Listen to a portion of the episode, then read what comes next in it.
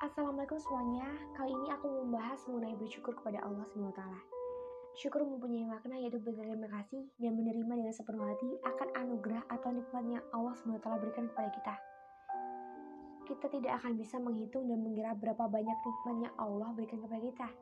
Mulai dari nikmat kesehatan, nikmat hidup, nikmat iman, nikmat masih bisa berpikir dan berbagai nikmat lagi yang tak bisa kita hitung satu persatu. Namun yang menjadi permasalahannya adalah mengapa kita tidak bisa bersyukur akan semua nikmat yang telah Allah berikan kepada kita. Dan mengapa kita selalu berpikir atau menganggap bahwa nikmat itu berupa materi atau uang. Kadang saat kita tidak memiliki uang, kita berpikir bahwa Allah tidak adil kepada kita.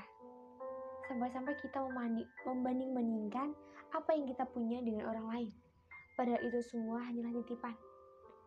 Pemikiran seperti ini sebenarnya sangatlah salah dan fatal. Karena apabila kita berpikir seperti ini, berarti kita termasuk orang yang kufur.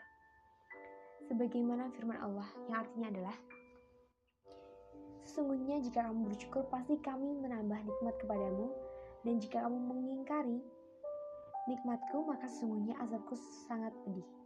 Maka dari itu apabila kita tidak ingin masuk ke dalam golongan orang-orang yang kufur, maka sebenarnya kita bersyukur. Bersyukur uh, memiliki dampak yang positif. Yang pertama yaitu menghilangkan rasa sombong dan angkuh. Kedua menyadarkan diri bahwa semua yang dimiliki adalah kepunyaan Allah semata. Yang ketiga menyadarkan diri bahwa kita lebih beruntung daripada orang lain. Yang keempat membuat hidup kita menjadi lebih bahagia.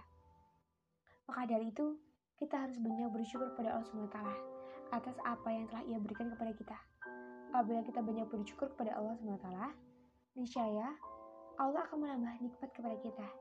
Namun, apabila sebaliknya, kita mengingkari nikmat Allah, tidak mensyukuri nikmat Allah alias kufur, maka tunggulah azab dari Allah SWT akan menghampiri kita.